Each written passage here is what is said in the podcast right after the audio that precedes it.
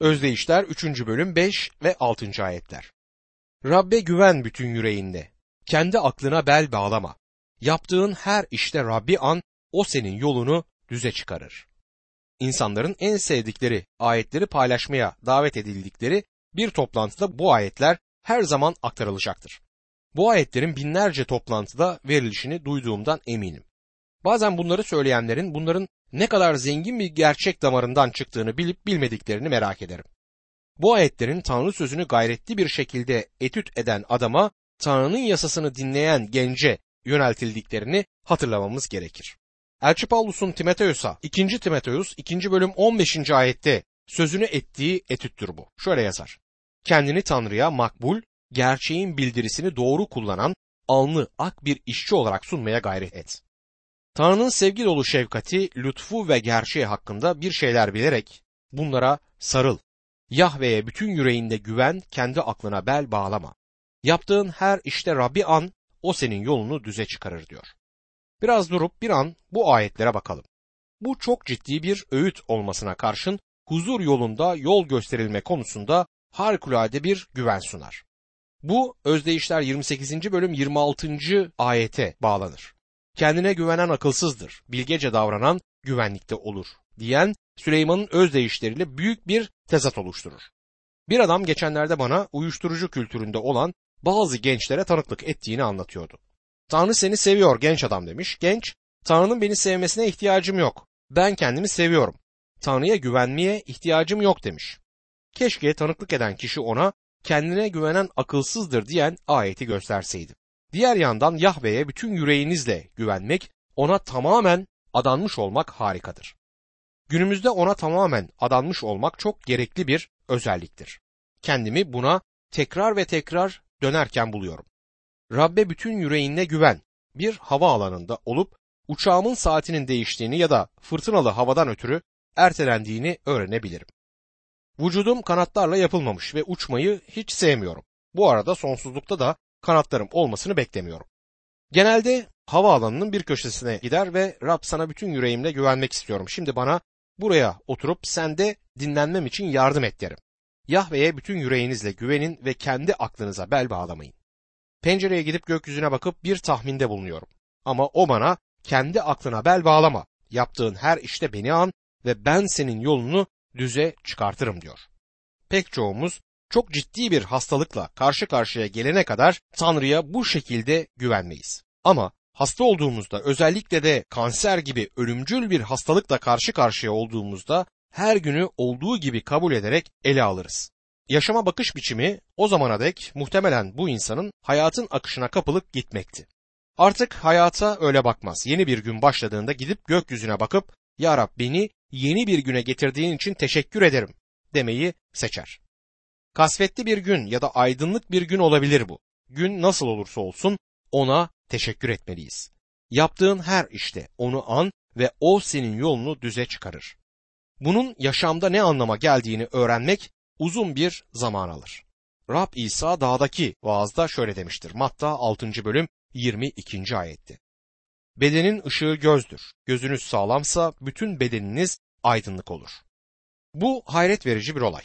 Kendinizi Tanrı'ya teslim ettiyseniz ve belirli bir yolda gidiyor, belirli bir şey yapıyorsanız bütün diğer şeylerin yerli yerine oturması hayret vericidir.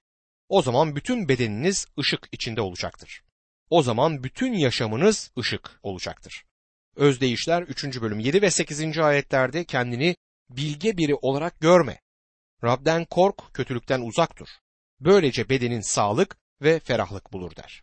Bu sözler içine iyileşme ve kemiklerine nem olur diye de çevrilebilir. Ben Rabbe güvenmenin insanın sağlığını gerçekten de düzelteceğine inanıyorum. Kendinize güvenmek yerine Rab'de dinlenmek gerçekten harikadır. Rab'den kork ve kötülükten uzak dur. Elçi Paulus genç Timoteus'a şöyle demiştir. 2. Timoteus 2. bölüm 19. ayetti. Ne var ki Tanrı'nın attığı sağlam temel, Rab kendine ait olanları bilir ve Rabbin adını anan herkes kötülükten uzak dursun sözleriyle mühürlenmiş olarak duruyor. Sizi günahtan ve sadece ruhsal yaşamınızı değil, aynı zamanda fiziksel yaşamınızı da yiyip bitiren şeylerden uzaklaştıracaktır. Maddesel bereketlerin ruhsal anlamları da bulunur. Özdeyişler 3. bölüm 9 ve 10. ayetlerde servetinle ve ürünün turfandasıyla Rabbi onurlandır. O zaman ambarların tıka basa dolar. Teknelerin yeni şarapla dolup taşar der. Bu tam bir adanmışlığı temsil etmektedir. Tanrı'nın İsrail'e kendilerine vermekte olduğu diyar hakkında diyar benimdir, onu size veriyorum dediğini hatırlayın. İsrail'in ondalığını Rab'be vermesi gerekiyordu. Ben aslında Rab'be üç ondalık verdiklerini düşünüyorum. Hasadın tam başlangıcında turfandalarını getirdiler. Bu her şeyin sahibinin Tanrı olduğunu kabul ettiklerini göstermek içindi. Tam bir adanmışlığında kanıtıydı. Para cüzdanınızda Rab'be adanmış olmadan sakın bana Rab'be adanmış olduğunuzu söylemeyin. Rab size her şeyi vermiştir. Bazıları ben bunu kazanmak için çok çalıştım diyebilir. Ama size çalışmak için sağlığı veren kimdir? Size yapacak işi veren kim? Para kazanmanızı mümkün kılan kimdir dostum? Tanrı bütün bunları sizin için yaptı. Onu onurlandırın. Tamamen adanmışlığın kanıtı budur. Bazıları bunun kulağa epey ticari geldiğini söyleyerek şikayet edebilir. Hayır bu gerçek ruhsallıktır. Gerçek ruhsallığın söylediğiniz duanın uzunluğu değil, çeke yazdığınız miktar olduğunu da söylemek isterim. Ruhsallığı belirlemenin yolu budur. Vaizlik yaptığım yıllarda en çok konuşan kişinin en az veren kişi olduğunu öğrendim. Bu her zaman doğrudur. Kiliseyi yönetmek isteyen kişiler kiliseye gereken paralar konusunda fazla yardımda bulunmaz.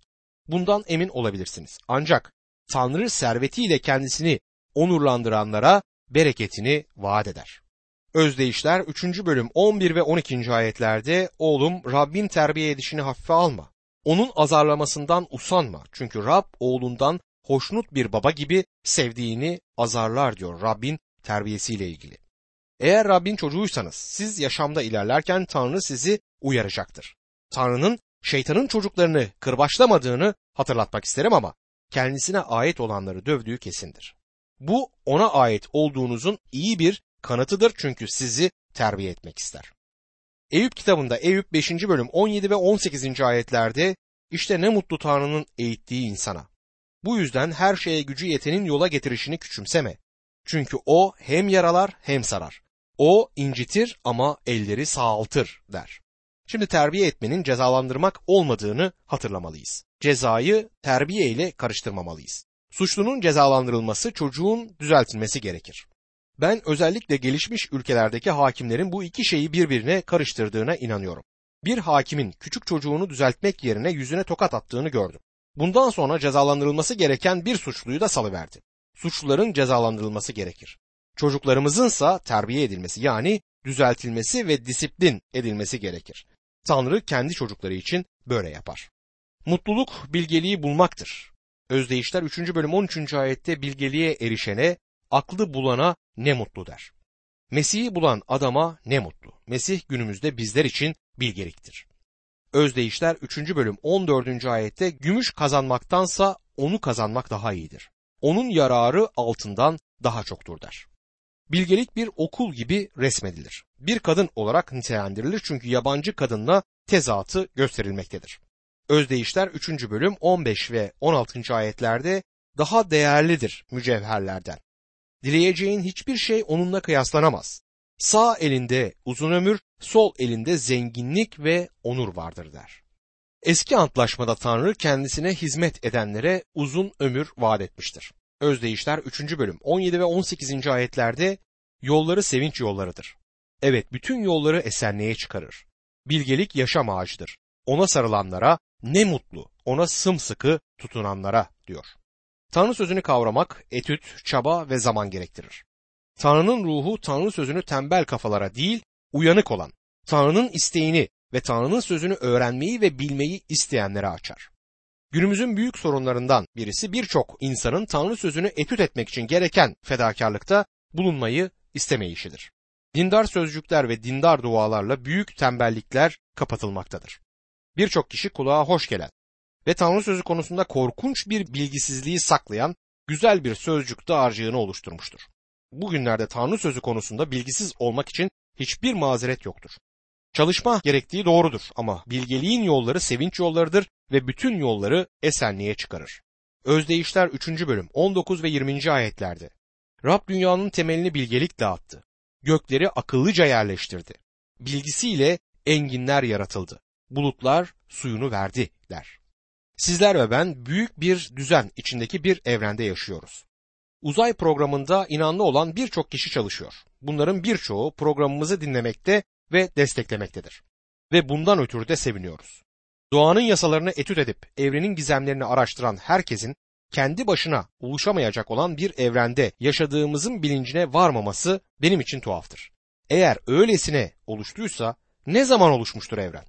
Yumurtadan çıkan tavuk nerededir? Bu evren öylesine düzenlidir ki bir adam bir roket alıp içine insan koyabilir. Uzayda aya yollayabilir, aya indirebilir ve dünyaya döndürebilir. İnsan kendisinin akıllı olduğunu düşünmektedir ama yapmış olduğu şey evrenin tümünü bir bilgisayar gibi yöneten Tanrı'nın yasalarını keşfetmiş olmaktır. Dostum eğer bu evren bir rastlantı sonucu oluşsaydı böylesine dakik bir şekilde işlemezdi. Uzay programında çalışan kişilerin o küçük bilgisayarı çalıştırıp roketi doğru zamanda doğru yere yollayabilmelerinin nedeni Tanrı'nın çok kesin yasalar koymuş olmasıdır. Tanrı bunları bilgelikle yaptı. Tanrımızın akılsız biri olmadığını söylerken saygısız konuşmuyorum. Tanrı'nın zekasını kabul etmemiz gerekir. Kendisi ve yolları hakkında biraz daha zeka, biraz daha bilgi gösterirsek bunu takdir edeceğine inanıyorum. Bunu onun okulu olan Tanrı sözünde yapabiliriz. Tek yer burasıdır. Özdeyişler 3. bölüm 21. ayette oğlum sağlam öğüde sağ yürüye tutun. Sakın gözünü ayırma onlardan der. Sakın gözünü ayırma onlardan. Onlar sözü Tanrı bilgisinden söz etmektedir. Özdeyişler 3. bölüm 22. ayette ise onlar sana yaşam verecek ve boynuna güzel bir süs olacaklar. Gördüğünüz gibi yaşam ve lütuf Tanrı sözünü etüt etmenin bu bilgeliğiyle gelir. Özdeyişler 3. bölüm 23 ve 24. ayetlerde o zaman güvenlik içinde yol alırsın. Sendelemeden korkusuzca yatar tatlı tatlı uyursun der. Günümüzde insanların yaşam hakkında belirli korkuları var. Bu korkular hepimizi sarabilir. Peki çözüm nedir? Tanrı sözü bütün bunlara yanıttır. Zamanımızın çoğunu yürüyerek ya da yatarak geçirdiğimizden güvenlik içinde yürüyeceğimiz ve uykumuzun tatlı olacağı konusunda bize güvence verilmiştir.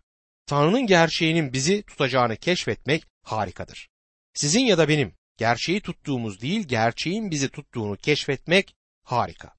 Özdeyişler 3. bölüm 25 ve 26. ayetlerde beklenmedik felaketten ya da kötülerin uğradığı yıkımdan korkma. Çünkü senin güvencen Rab'dir. Tuzağa düşmekten seni o koruyacaktır der. Bu ayetler benim için çok şeyi ifade eder. Çünkü uçmaktan korkuyorum. Uçakta otururken uçağın düşmesini beklerim. Sanki biraz sonra düşecekmiş gibi bana gelir. Bu yüzden bu ayetler bana büyük bir cesaret kaynağı olmuş ve yardım etmişlerdir. Uçakla seyahat ettiğimde bu ayetleri hatırlarım ve sık sık da uçtuğum için bu ayetleri sık sık kullanıyorum. Beklenmedik felaketten korkma. Bir sonraki andan korkma. Tanrı şu anda bana bakıyor ve bir sonraki anda bana bakacaktır. Çünkü senin güvencen Rab'dir. Ayağını düşmekten seni o koruyacaktır. Rabbe bu sabah yataktayken kalkmadan önce sana şu anda olduğum kadar ihtiyacım yoktu. Şimdi 1200 metre yüksekliğindeyim ve biraz korkuyorum. Şimdi test şudur. Bana ayağımı düşmekten koruyacağına dair bana güven ve güvence verdir. Şimdi geldiğimiz özdeyiş muhteşem bir özdeyiştir. Hatta böyle olan birkaç tane daha vardır. Özdeyişler 3. bölüm 27. ayette elinden geldikçe iyiliğe hakkı olanlardan iyiliği esirgemeder. Babam organizasyonları sevmezdi ve gençliğinde yaşadığı çok acı bir deneyimden ötürü hatta onlara organizasyonlara karşıydı. Ama ben Tanrı'ya itaatkar olmak için bir isteği olduğunu hissettim. Size bir örnek vereyim. Ben küçükken yolda gidiyorduk. Bir kapı açıldı ve bir adamın inekleri bu kapıdan kaçtı. Babam durdu, inekleri yeniden içeri soktu. Eski tel kapıyı kapattı ve sürgüsünü çekti. Yeniden arabaya bindi ve kimseye bir şey söylemedi. İneklerin sahibine olayı hiç anlatmadı. Özdeyişler 3. bölüm 28. ayette elinde varken komşuna bugün git yarın gel o zaman veririm deme diyor. Bana programımı destekleyeceğim. Bana güvenebilirsin ama gemim gelene kadar beklemem gerekiyor diyen pek çok kişi oldu. Bu kişilerin banka hesapları var ve bu banka hesaplarından hizmetlerimize destek verebilirler. Bunu örnek olarak kullanmamın nedeni bu sözleri fazlasıyla sık duymamdır. Ama insanlar aynı mazereti yaşamdaki bütün ilişkilerde kullanıyor. Başkalarına şu anda sana yardım edemem ama yarın yine gel diyorlar ve böyle derken para da ceplerinde duruyor. Romalılar 13. bölüm 8. ayetin başı birbirinizi sevmekten başka hiç kimseye bir şey borçlu olmayın der. Bu tür bir sevgi birisinin Tanrı çocuğu olup olmadığını da ortaya koyar. Sizlerin ve benim başka birine para borcumuz olduğunda o paranın bizim olmadığını bilmemiz lazım. Bu para öbür kişiye aittir. Onu kendi amaçlarımız için kullanmak gerçekte dürüstlükten uzaktır. Burada söylenilen şey budur. Özdeyişler 3. bölüm 29. ayette sana güvenerek yanında yaşayan komşuna kötülük tasarlama der. Komşunuzla olan ilişkinizde sizin yararınıza ve onun zararına olacak şeyleri yapmayın. Ve komşularınız yeni bir şey aldığında hemen aynısını almak ya da onların yaşam düzeyine erişmeye çalışmak gibi çabalara da girmeyin. Bir komşunuzun size birkaç günlüğüne burada olmayacağım eve göz kulak olur musun demesi gerçekten harikadır. Bu size Tanrı ile olan ilişkinizi çok pratik bir şekilde bildirmeniz için fırsat verir. Özdeyişler 3. bölüm 30. ayette sana kötülük etmemiş biriyle yok yere çekişme der. Musa'nın yasasının altında yeterli bir neden olmadıkça başka birisiyle çekişme içinde olmak bir günahtı. Lütuf altında ise bizlere Romalılar 12. bölüm 19. ayette sevgili kardeşler kimseden öc almayın. Bunu Tanrı'nın gazabına bırakın çünkü şöyle yazılmıştır. Rab diyor ki öc benimdir ben karşılık vereceğim. Olayları kendi ellerimize aldığımızda Tanrı'ya iman ve güven yolunu bırakırız. Eğer bize adil olmayan bir şekilde davranıldıysa durumu Tanrı'ya teslim etmeli ve durumla ve işin içindeki bireyle Tanrı'nın ilgilenmesine izin vermeliyiz. Vaizlik yaptığım yıllar boyunca eğer birisi size bir zarar verirse bu konuyu Tanrı'ya götürmeli, Tanrı'ya incindiğinizi bildirmelisiniz. Bundan sonra sizi inciten kişiyi Tanrı'ya teslim etmelisiniz. Rabbe bu senin işin. Bununla kendinin ilgileneceğini söylemiştin deyin. Yıllardır gözlemliyorum ve Tanrı'nın böylesi insanlarla ilgilendiğini görmüşümdür. Bu özdeyişler harikadır ve doğrudur. Sadece genç adama değil yaşlı adama ve kadınlara ve kızlara da yardımcı olmaktadır. Bütün insanlığa bu özdeyişler, bu teşvik sözleri uygundur. Özdeyişler 3. bölüm 31. ayette zorba kişiye imrenme. Onun yollarından hiçbirini seçme der. Zorba kişi şiddet uygulayan kişidir. Özdeyişler 3. bölüm 32. ayette ise çünkü Rab sapkınlardan tiksinir ama doğruların candan dostudur der. Rab için gerçekten de tiksindirici olan bazı durumlar vardır. Hatta bu kitabın daha ileriki bölümlerinde Tanrı'nın nefret ettiği şeylerden bazılarını göreceğiz. Tanrı bunları burada Süleyman'ın Özdeyişleri kitabında bildirmiştir. Özdeyişler 3. bölüm 33. ayette Rab kötülerin evini lanetler. Doğruların oturduğu yeri ise kutsar diyor. Kötüler yasasız olanlardır. Bu özdeyiş bana kral Ahav'ı hatırlatır. Rab Ahav'ın evini kesinlikle lanetledi. Bu özdeyiş ona bir eldiven gibi uymaktadır. Özdeyişler 3. bölüm 34. ayette ise Rab alaycılarla alay eder ama alçak gönüllülere lütfeder der. Tanrı alaycı, kibirli ve kendini beğenmiş insandan nefret eder. Özdeyişler 3. bölüm 35. ayette ise bilge kişiler onuru miras alacak. Akılsızlara yalnız utanç kalacak der. Bu birçok kişiye uymaktadır. Belki sizin tanıdığınız bazı insanlara da uyar. Yüzyıllar boyunca zenginlere haset eden, zenginlerden hoşlanmayan birçok insan oldu. Ve birçok kişi mezmur yazarı gibi Tanrı'nın zenginlikleri yargıladığını keşfetti. Süleyman'ın özdeyişleri 4. bölümde çocuk, büyük, kötü, çılgın dünyaya girmiş olan genç bir adam olduğu halde kendisine hala babasının talimatlarını hatırlaması öğütlenir. Özdeyişler 4. bölüm 1. ayette şöyle yazar. Çocuklarım, babanızın uyarılarına kulak verin. Dikkat edin ki anlayışlı olasınız. Çocuklarım sözü genç, ihtiyar, erkek ve kadınları içerir. Özdeyişler 4. bölüm 2 ila 3. ayetlerde ise çünkü size iyi ders veriyorum. Ayrılmayın öğrettiğimden. Ben bir çocukken babamın evinde annemin körpecik tek yavrusuyken diyor. Bunu Süleyman yazmaktadır ve kendi babasından söz eder. Babamın evinde annemin körpecik tek yavrusuyken dediğine dikkat etmemiz gerekir. Babasının yüreğinin Süleyman adlı bu çocuğunkiyle sarmaş dolaş olduğunu düşünenler var. Ben durumu böyle görmüyorum. Bence tarih kitapları Süleyman'ın babasının ilk seçimi olmadığını ortaya koymaktadır. Kadınlar tarafından sarayda yetiştirilmiş bir çocuktur ve Davut'un onunla fazla bir ortak yanı bulunmaz. Süleyman ben babamın oğluyum ama beni gerçekten seven ve bana öğreten annemdi demektedir. Özdeyişler 4. bölüm 4. ayette babam bana şunu öğretti. Söylediklerime yürekten sarıl. Buyruklarımı yerine getir ki yaşayasın. Davut büyük bir olasılıkla ona oldukça fazla öğüt vermişti. Süleyman kral yapıldığında Davut ona bir erkek gibi davran dedi. Bunu Süleyman'ı hazır bulmadığından söylediğini düşünüyorum. Söylediklerime yürekten sarıl diyor. Buyruklarımı yerine getir ki yaşayasın. Davut Rabbe itaat edilmesi gerektiğini kendi deneyimlerinden öğrenmiştir. Belki de Davut oğluna öğretme konusunda olması gerektiği kadar nazik değildi. Ben hiçbir zaman Davut'un bir baba olarak başarılı biri olduğunu düşünmedim. Ne yazık ki bu birçok ünlü adam için de geçerli olan bir durumdur. Davut'un yaşamı Süleyman'ın taklit etmeye çalışabileceği bir yaşamdı. Belki de evet ama Davut'un yaptıklarına bir bak diyeceksiniz. Davut'un büyük günahları Süleyman doğmadan önce işlenmişti ve Davut bu tür bir yaşama sırtını tamamen çevirmişti. Şimdi Süleyman genç bir adama öğüt veriyor ve gerçekten de sözlerini esirgemeden kullanıyor. Süleyman'ın özdeyişleri 4. bölüm 5 ve 6. ayetlerde bilgeliği ve aklı sahiplen. Söylediklerimi unutma, onlardan sapma. Bilgelikten ayrılma, o seni korur. Sev onu, seni gözetir der. Bilgeliği bir okul yöneten ve bu okulu tanıtan bir katalog yollayan bir kadın gibi gözümüzde canlandırabiliriz. Bir başka kadın daha vardır ve o kadın ise yabancı ve ahlaksız teklifleri olan bir kadındır. Bilgelik onu bilge olabilmesi için kendi okuluna gelmeye teşvik eder.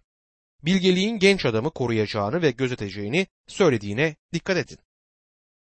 Çağdaş eğitimcilerin en büyük farkı bu ayette işaret edilir. Bilgeliği seviyorlar mı?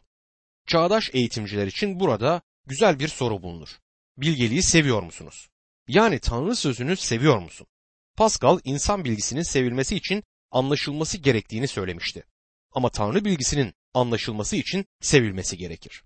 Bu yüzden Tanrı sözünü anlayacaksanız ona sevgi ve öğretilmeye razı bir kafayla yaklaşmanız gerekir. Bundan sonra Tanrı'nın ruhu size büyük gerçeği açıklayacaktır. Bunu görmek çok önemlidir. Sev onu, seni gözetir diyor bu ayette. Süleyman'ın özdeyişleri 4. bölüm 7. ayette ise bilgeliğe ilk adım onu sahiplenmektir. Bütün servetine mal olsa da akla sahip çık der. Bilgelikten söz ediş biçimine dikkat edilmesi lazım. Bu sadece bilgi değildir. Sadece bilgisayara yatkın bir kafaya sahip olmak değildir. Bilgiyi doğru şekilde kullanmak ve onu sevmek bilgelik ve zekanın bütünüdür. Bugünümüzde insanların ruhlarının ihtiyacı olan şeydir. Eğitimin tatmin etmemesinin nedeni sunuluş tarzıdır. Burada altı çizilen nokta bilgelik edinmemiz gerektiğidir. Bu önemlidir. Süleyman'ın özdeyişleri 4. bölüm 8 ve 9. ayetlerde ise onu el üstünde tut, o da seni yüceltecek, ona sarılırsan seni onurlandıracak. Başına zarif bir çelenk, görkemli bir taç giydirecektir der. Burada ilginç olan bir nokta var. Bilgeliğin bir kadının sevildiği gibi sevilmesi gerektiği anlatılır. İncil'e geldiğimizde bu değişmektedir. Mesih bizler için bilgelik olur ve onu sevmemiz gerekir. Günümüzdeki gerçek sorun kutsal kitapta sorunlar oluşu değildir. Gerçek sorun insanda Tanrı ve Tanrı ile ilgili şeyler için bir sevgi ve özlem olmamasıdır. Yürekte sevgi olduğunda bu kitap açılmaya başlayacaktır. Çünkü Tanrı'nın ruhu onu öğretecektir.